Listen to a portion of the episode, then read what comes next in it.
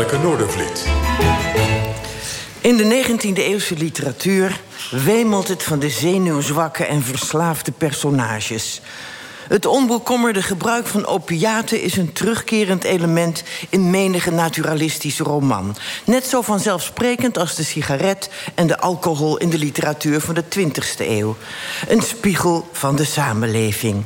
Weg zijn de drugs nooit geweest. Iedere generatie ontdekte opnieuw de zegeningen van de al dan niet door de dokter voorgeschreven pillen of roesmiddelen.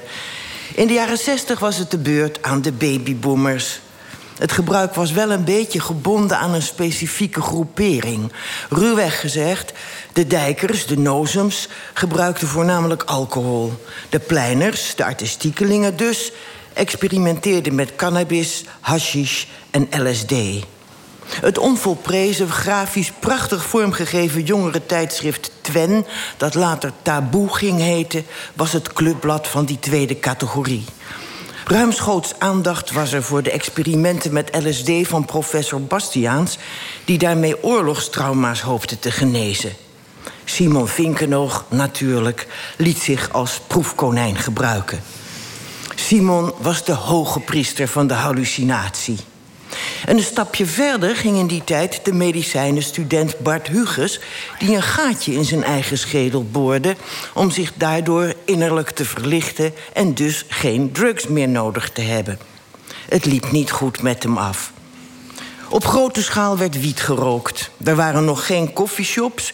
maar iedereen kende wel iemand die weer iemand kende die... enzovoort. Legendarisch zijn ook de beursberichten voor cannabis en hashish van Koos Zwart op de radio. Pikant detail: Koos was de zoon van de minister van Volksgezondheid, Irene Vorink. Zoals jonge mensen nu zonder schaamte een pilletje of een snuifje nemen, zo rookten wij een joint of aten spacecake. Ridouan Taghi was nog lang niet geboren. Het was nog in de sfeer van vrolijke recreatie. Ikzelf heb een dood enkele keer gebruikt. Het effect vond ik matig. Het deed me niet veel. Maar ik moet wel de ouders van klas 2 gym... op de werkplaats in Beeldhoven nog mijn excuses maken. Voorafgaand aan een ouderavond met 10 minuten gesprekken... hadden een collega en ik voortreffelijke nederwiet gerookt. Terwijl wij daar zo aan onze tafeltjes zaten... met voor ons de beste brave ouders van onze respectievelijke leerlingen...